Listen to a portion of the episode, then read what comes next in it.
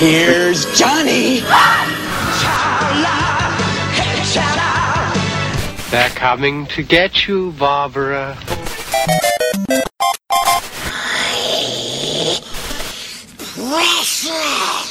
Expecto Patronum! Look at me, Damien. Yippee-ki-yay, motherfucker.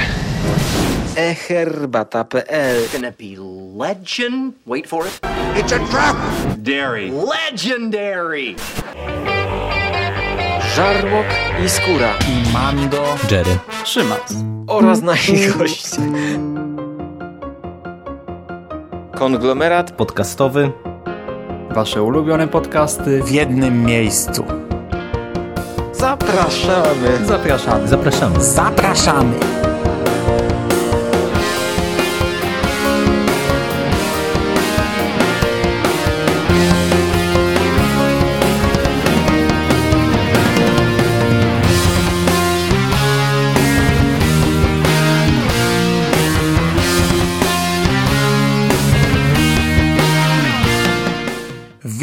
w konglomeracie podcastowym, czyli na platformie, która zbiera wszystkie Wasze ulubione podcasty w jednym miejscu. Ja nazywam się Hubert Spandowski. Możecie kojarzyć mnie jako Mando z serwisu stevenking.pl lub podcastu Radio SK. A dzisiaj opowiem Wam o najnowszej na naszym rynku książce z uniwersum Star Wars, z nowego kanonu Star Wars pod tytułem Mroczny Uczeń.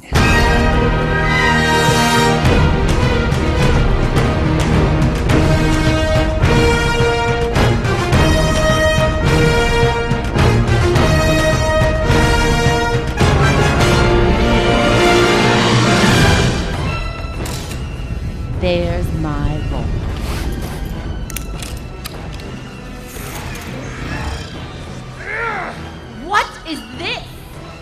It's called a tackle. Who are you? Relax. I've got this one, honey. Honey?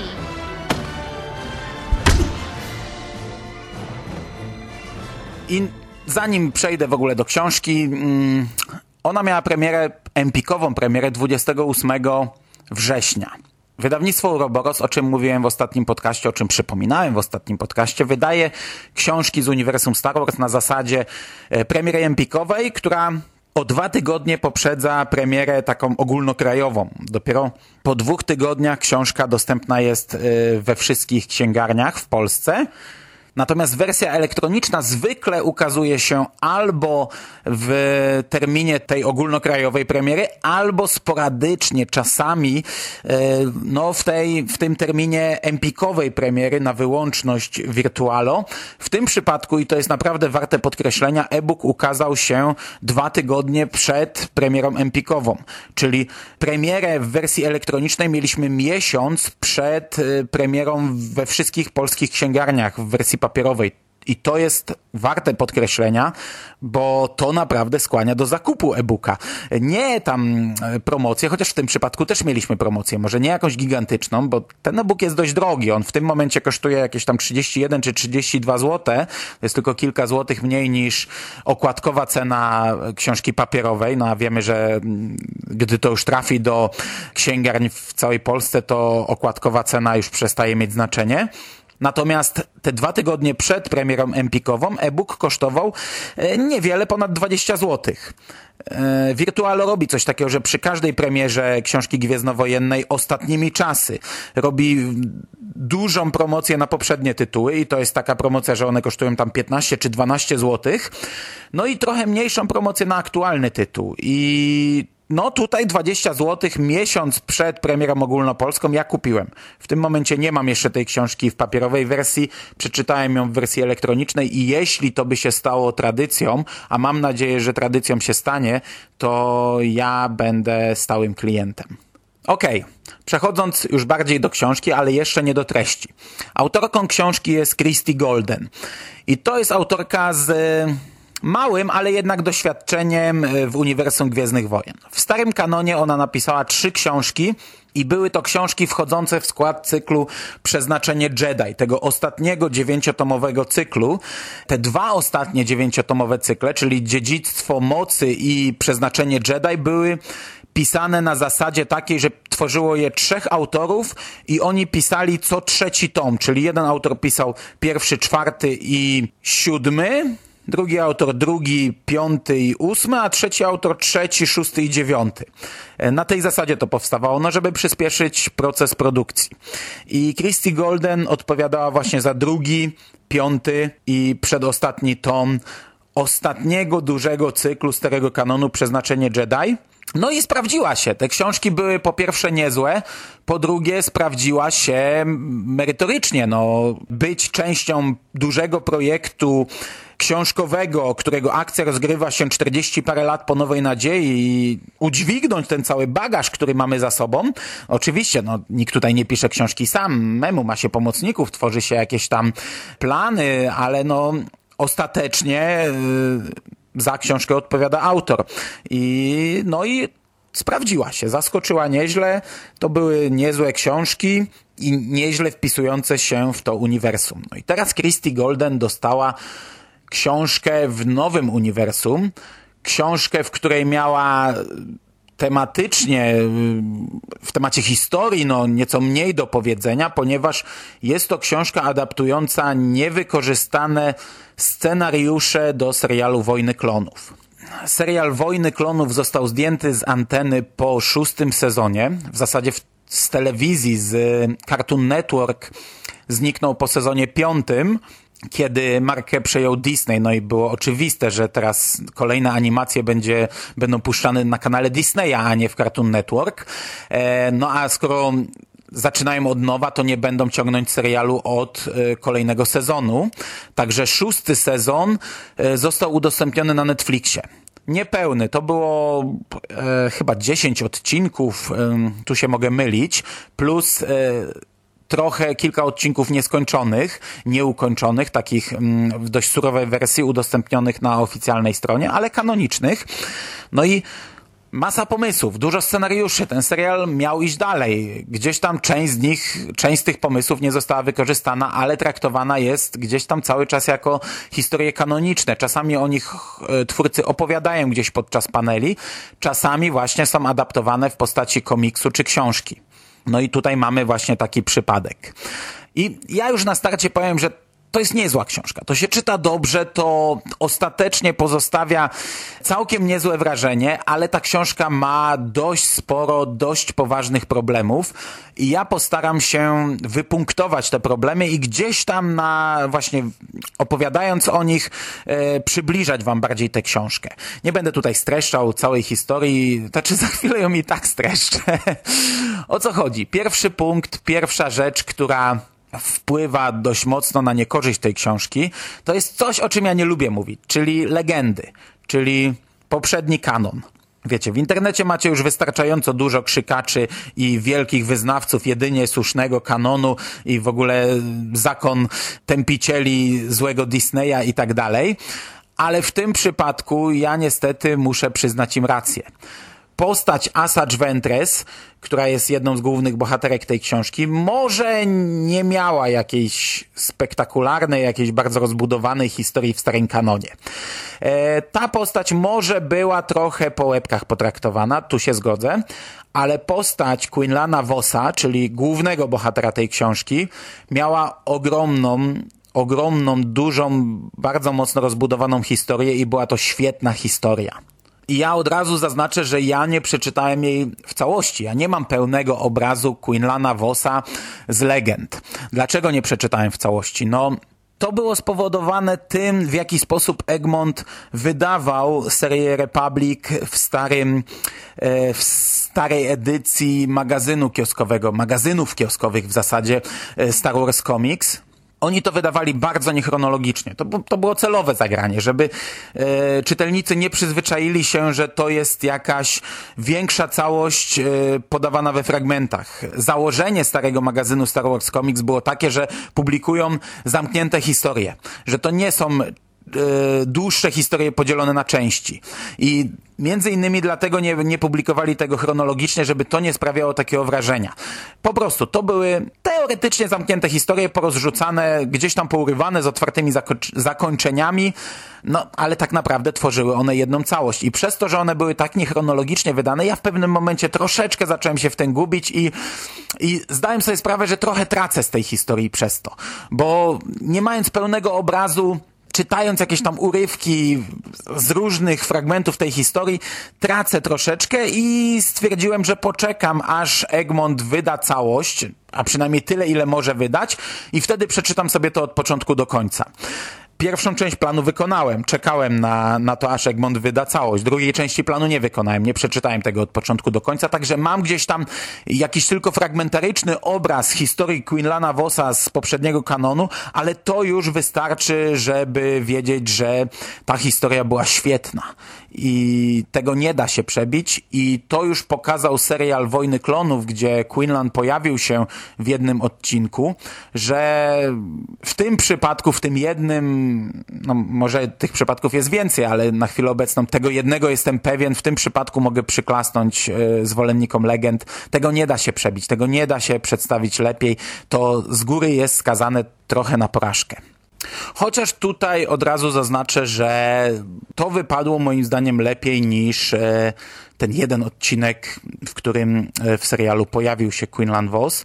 Natomiast no, skoro już jestem przy historii Quinlana, to trzeba być e, sprawiedliwym i wypada powiedzieć, że jednak historia Asajj Ventress w serialu Wojny Klonów została moim zdaniem przedstawiona lepiej niż e, w starym kanonie, w starych legendach. Tak naprawdę Wojny Klonów wtedy jeszcze były w starym kanonie, ale ta historia jest pełniejsza, jest lepsza. To jest jedna z ciekawiej zarysowanych postaci w tym serialu i jej droga jest e, bardzo dobra i ta książka doskonale puentuje moim zdaniem drogę mm, Asajj Ventress.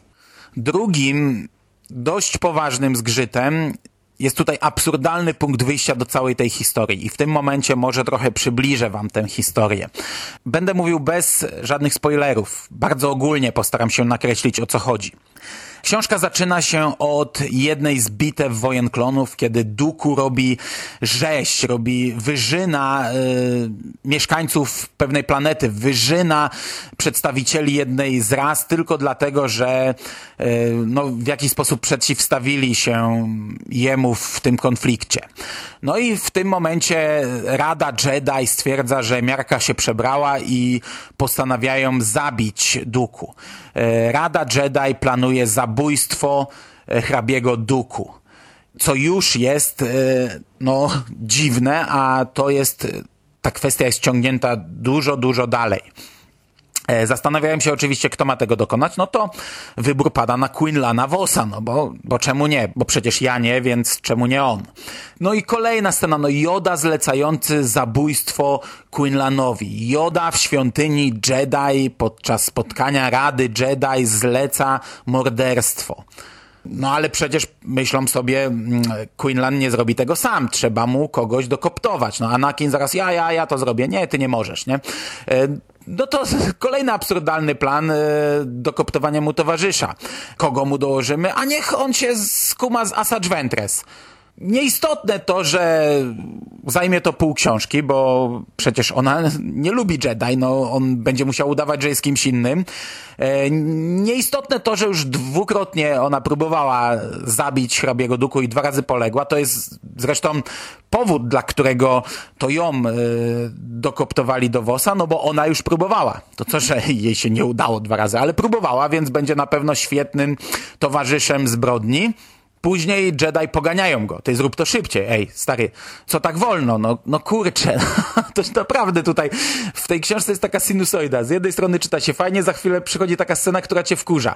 Tutaj mamy mnóstwo absurdalnych zachowań rycerzy Jedi, mistrzów Jedi. A może nie tyle absurdalnych, co stawiających ich w bardzo złym świetle, jako takich e, skrajnych hipokrytów.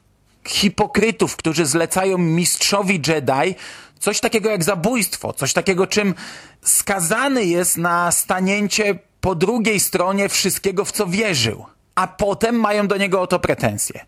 Mają pretensje, że wpuścił do siebie mrok, e, mają pretensje do Asajj Ventress, że ona pozwoliła mu na to, że ona pokazała mu ciemną stronę, gdzie sami wymyślili plan, by to ona mu towarzyszyła w tym, a ostatecznie e, ostatecznie, no to nie jest e, ciężki spoiler, to wam pokazuje tylko absurd tej książki. Ostatecznie wydają karę śmierci na Quinlana Vossa za to, że ten wpuścił do siebie mrok, gdzieś tam przeszedł w pewnym sensie na ciemną stronę mocy. A oni wydają na niego wyrok śmierci. Kolejny wyrok śmierci i planują kolejną egzekucję, choć próba wykonania pierwszej doprowadziła do tej sytuacji, no. o Jezus Maria przydzielają mu jako pomocnicę Asajj Ventress, byłą Sitankę czy Mroczną Jedi, byłą podwładną Duku, jego zabójczynię, kobietę odpowiedzialną za wiele śmierci, w tym również Jedi i mającą bardzo mroczną przeszłość z samym Wosem, no a potem mają do niej pretensje. no. Ogólnie to wszystko ostatecznie zostaje dość ciekawie spuentowane to w jakim świetle zostali pokazani Jedi, a w jakim świetle Ventress i to jak te dwie sprawy wpływają na dalsze postępowanie bohaterów, to ogólnie zakończenie ma niezłe i wydźwięk tego zakończenia jest niezły, ale cały punkt wyjścia, cała motywacja bohaterów, no to co pcha ich do kolejnych czynów, to co napędza kolejne wydarzenie, no to jest dość absurdalne i dziwnie przedstawione. Okej, okay, i trzecia rzecz, która w tej książce nie gra, trzecia i moim zdaniem chyba najważniejsza, to jest konstrukcja tej powieści. Ja tylko przypomnę, jak to działało w serialu Wojny Klonów. Tam rzadko kiedy było coś takiego, że jeden odcinek odpowiadał za jedną historię. Zazwyczaj były bloki odcinków. To były bloki albo trzech, albo czterech odcinków, które opowiadały jedną historię, ale bardzo często to nie była zamknięta historia.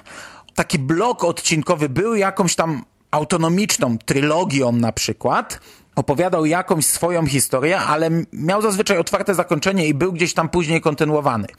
E, gdzieś na przykład kilka odcinków dalej, kilkanaście odcinków dalej, albo nawet kilka sezonów dalej, dostawaliśmy kolejny blok odcinkowy, który kontynuował ten wątek, ale już w inny sposób. Na przykład mieliśmy zupełnie inny, innych głównych bohaterów, zupełnie inaczej prowadzoną historię, celowo to było jakoś inaczej robione, ale gdzieś tam w tle wychodził na główny plan wątek kontynuujący jakieś wcześniejsze wydarzenia.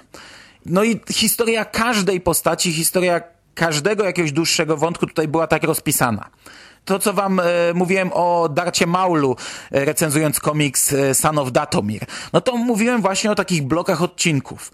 To samo można powiedzieć na przykład o Ventress, no jeżeli już przy niej jesteśmy. Również mieliśmy jakieś bloki odcinków i kolejno gdzieś tam etapami przedstawiano jej historię i to bardzo mocno wpływa na to, jak została napisana ta książka. Ponieważ Mroczny Uczeń przedstawia nam dość długą historię, E, gdzieś czytałem, że to były scenariusze do ośmiu odcinków. Nie mam pojęcia, czy to było osiem, czy mniej ale jestem przekonany i to widać, że były to dwa bloki odcinków, czyli mogły to być właśnie dwa bloki po cztery odcinki. I po pierwsze, to wszystko dzieje się bardzo szybko ta cała historia, historia takiego mm, balansowania na granicy jasnej i ciemnej strony mocy przez Quinlana Vossa e, w starych legendach, w komiksowym uniwersum, w serii Republic została jednak rozpisana na dużo, dużo dłuższą historię. Tutaj to wszystko jest skondensowane, tak jakbyśmy chcieli szybko wszystko wrzucić w tę jedną książkę i całą tę historię wydać i ją zakończyć.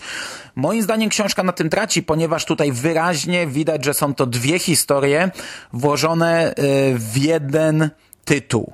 Cała pierwsza połowa książki widać, że to jest jeden blok odcinków. No, on galopuje, on, tam wydarzenia są bardzo szybko, e, następują jedne po drugich, ale widać, że w środku dochodzimy do takiego momentu, gdzie ten blok odcinków został zakończony. Tutaj mamy wyraźny koniec, to jest otwarty koniec, to jest koniec gdzieś tam zwiastujący nam dalszą część tej historii, ale jest to koniec. I w tym momencie przechodzimy do kolejnego rozdziału. To nie jest w żaden sposób rozgraniczone w tej książce. Do tej książki nie mamy podzielonej na części, a w ten sposób wydaje mi się, że to by lepiej wyglądało, no bo jednak czytając to rozdział po rozdziale i nie mając takiego wyraźnego cięcia, no to spodziewamy się jakiejś ciągłości, spójności, jakiejś, wiecie, liniowości tej książki. Początek, rozwinięcie, koniec. A tutaj mamy po prostu przeskok. Z rozdziału na rozdział mamy przeskok czasowy, mamy kompletną zmianę dynamiki, tempa. Inni główni bohaterowie nagle wychodzą na pierwszy plan. Inaczej w ogóle jest prowadzona ta historia. Mamy po prostu drugi tom książki, drugą część książki. I przez to ta książka traci, no bo to się czyta pomimo tego całego absurdalnego punktu wyjścia, to się czyta do, do połowy świetnie. Druga połowa też jest nieźle napisana, no ale są to dwie różne książki. I kurczę, jak przechodzisz w tę drugą połowę, jak nagle pierwsze skrzypce gra Obi-Wan i Anakin, którzy w tej pierwszej połowie w ogóle byli gdzieś tam zmarginalizowani całkowicie, a nagle Quinlan Vos... Yy, trochę schodzi na, no na dalszą część pierwszego planu, a Asacz Ventres w ogóle schodzi na drugi plan i dopiero w końcówce to wszystko znów gra pierwsze skrzypce, te dwie postacie grają pierwsze skrzypce, no to w tym momencie dochodzi do takiego trochę zaburzenia i, i, i to jest problem tej książki. No, to jest problem tej książki. Ta książka naprawdę prezentuje nam fajną historię. Sama opowieść o, o Quinlanie jest zbyt przyspieszona, jest gorsza niż to, co było wcześniej jest y, no, aż nienaturalnie przyspieszona, ale ostatecznie jest dobrze spuentowana. A historia Asajj Ventress jest y, moim zdaniem świetna. I tak jak mówiłem, że jej opowieść y, w serialu Wojny Klonów była bardzo dobra, tak tutaj mamy takie domknięcie. Naprawdę bardzo dobre. Więc jeśli gdzieś tam za, zaakceptujemy te tutaj moje zastrzeżenia do tej książki, jeśli na to jakoś przymkniemy oko, jeśli to nam nie będzie przeszkadzać, to to jest naprawdę fajna książka. I to jest kolejny przykład tego, o czym ja już mówiłem, recenzując kilka powieści z tego nowego kanonu Gwiezdnych Wojen, że to jest kolejna książka, w której gdzieś tam w drugiej połowie coś zgrzyta, ale jak przewrócimy ostatnią stronę, to zmieniamy w ogóle, inaczej patrzymy na tę całą powieść. Już zapominamy o tych pierdołach, które nam przeszkadzały, a mm, no, jest to na tyle fajnie zamknięta książka, że no, możemy zapomnieć o tym, że tutaj to, czy to, czy tamto nam nie grało. I teraz pytanie, czy, czy trzeba znać serial, żeby czytać tę książkę? No, moim zdaniem nie trzeba. Oczywiście jest to kontynuacja wydarzeń y, z Wojen Klonów, poznajemy już Wędrez w roli łowczyni nagród, która została już dawno zdradzona, porzucona przez Duku, no i jak już mówiłem, już dwa razy próbowała go zabić. Mamy tutaj opowiedzianą gdzieś tam w przyspieszonym tempie jej współpracę z łowcami nagród i to, jak się ona zakończyła. I oczywiście, no to wszystko było w serialu, to wszystko było opowiedziane dużo wolniej w serialu, ale sytuacja, którą zastajemy tutaj w książce nie jest jakoś szalenie skomplikowana, no jesteśmy w stanie w to wejść bezproblemowo. Realia są nakreślone i nic więcej nam nie potrzeba. Jednak z drugiej strony, no historia opisana w tej książce jest bardzo, bardzo ważna dla całego kanonu. To też podkreślam, to jest bardzo ważna książka. I bez znajomości wcześniejszej historii tych postaci, a dokładniej postaci Ventres, no bo tak jak powiedziałem, o Wosie w nowym kanonie było do tej pory tyle co nic, no to bez znajomości historii Ventres to po pierwsze nie odbierzemy tego tak jak należy, a po drugie to może mieć bardzo dziwny i bardzo niezrozumiały wydźwięk, jeśli będziemy mieli tylko takie mgliste pojęcie o tym, kim kiedyś była Asajj Ventress, a nie będziemy znali jej pełnej historii, bo tutaj mamy zupełnie inną postać. Jeśli macie tylko jakieś takie mgliste wyobrażenie o tym, kim ona była, no to tutaj nagle zderzacie się z czymś, co całkowicie gryzie się z jej punktem wyjścia, z punktem wyjścia tej postaci. No, dlatego trzeba było przejść przez całą tę drogę, żeby jej przemianę, jaka zachodzi w tej książce, żeby to, jak ta postać została napisana w tej książce, żeby grało. Bo inaczej to grać chyba nie będzie, czyli Ciężko mi powiedzieć, czy bez znajomości serialu to jest dobry pomysł, żeby to czytać. Na pewno e, bez problemu wejdziemy w ten świat i bez problemu będziemy czerpać przyjemność z niego, ale e, no, będziemy pozbawieni bardzo dużego fragmentu historii danej postaci. Inna sprawa, że tej książce brak trochę indywidualności, moim zdaniem. Podczas lektury ciężko wyobrazić sobie to w oderwaniu od serialu. Przykładowo, gdy omawiałem taki Nowy Świt, książkę będącą prequelem do e, serialu Rebelianci, ja wtedy trochę nawet to krytykowałem, że ona jest bardzo mocno oderwana od tego serialu, że mamy tam zupełnie inne postacie, zupełnie inne realia, zupełnie innego przeciwnika. My wiemy z góry, że te postacie nie odegrają żadnej roli. Wiemy z góry, że ten ich wielki przeciwnik nie odegra już później żadnej roli. No i pod tym kątem to się tam teoretycznie lekko gryzło, ale z drugiej strony tamta książka miała wprowadzić nam dwoje bohaterów, niekoniecznie w realia serialu. Miała nam przedstawić te postacie i pod tym kątem wywiązała się doskonale czyli sprawdzała się jako prequel, natomiast właśnie w momencie, gdy już znamy serial, gdy nie potrzebujemy tego wprowadzenia, ona sprawdzała się jako e, samodzielny twór, bo przedstawiała nam historię oderwaną od serialu. W tym przypadku mamy zupełnie inną sytuację, bo nie mamy wprowadzenia, a mamy zamknięcie pewnych historii, zamknięcie, którego twórcy nie zdążyli zrobić w serialu. No więc siłą rzeczy to bardzo mocno w tym serialu siedzi. No i to bardzo czuć, gdy się czyta tę książkę, ciężko wyobrazić sobie te postaci nawet inaczej niż zwizualizowane tak, jak to było w Wojnach Klonów to za mocno zalatuje tym serialem, no ale inaczej się tego chyba nie dało zrobić. Tutaj pojawia się cały wachlarz postaci znanych z serialu. Jeśli rozmawiając z łowcami nagród, to jest to oczywiście Bosk, jest to Boba Fett, jest, mamy generała Grievousa, hrabiego Duku, całą gamę mistrzów Jedi i tak dalej, i tak dalej. No raczej nie pojawia się nikt nowy, poza jakimiś takimi sporadycznymi przypadkami.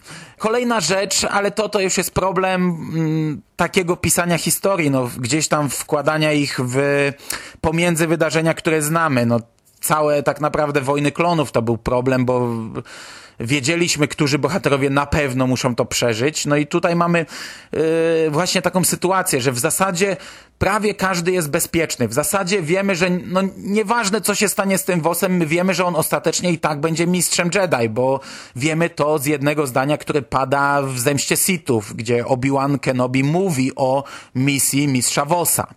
Wiemy w zasadzie o każdej postaci, znamy jej finał. Wiemy, że zamach nie może się udać, wiemy, że Wos nie może zginąć, nie może przejść na drugą stronę.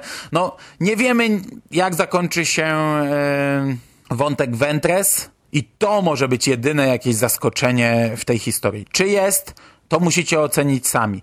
Mnie nie zaskoczyło, ale bardzo mi się podobało. I to by było chyba na dzisiaj wszystko. Dużo krytykowałem, ale też mam nadzieję, że z tej całej mojej dyskusji wychodzi jakaś jednak bardziej pozytywna ocena tej książki. Moim zdaniem warto zapoznać się z tą powieścią, szczególnie dlatego, że jest ona cholernie ważna dla całego nowego kanonu. A poza tym czyta się to jednak dosyć szybko i bezproblemowo. Są tutaj problemy, które wyłożyłem wam chyba bardzo dokładnie, ale są też plusy, chociażby cała relacja na linii Vos-Ventres jest naprawdę fajnie rozpisana, zaskakująco rozpisana i mnie się przynajmniej podobała. Ja polecam Wam bardzo zakup. Już za kilka dni ta książka trafi do wszystkich księgarni w Polsce, więc będziecie mogli ją kupić po cenie atrakcyjniejszej. A tymczasem ode mnie to dzisiaj będzie wszystko. Dziękuję bardzo za uwagę. Do usłyszenia. Trzymajcie się ciepło. Cześć!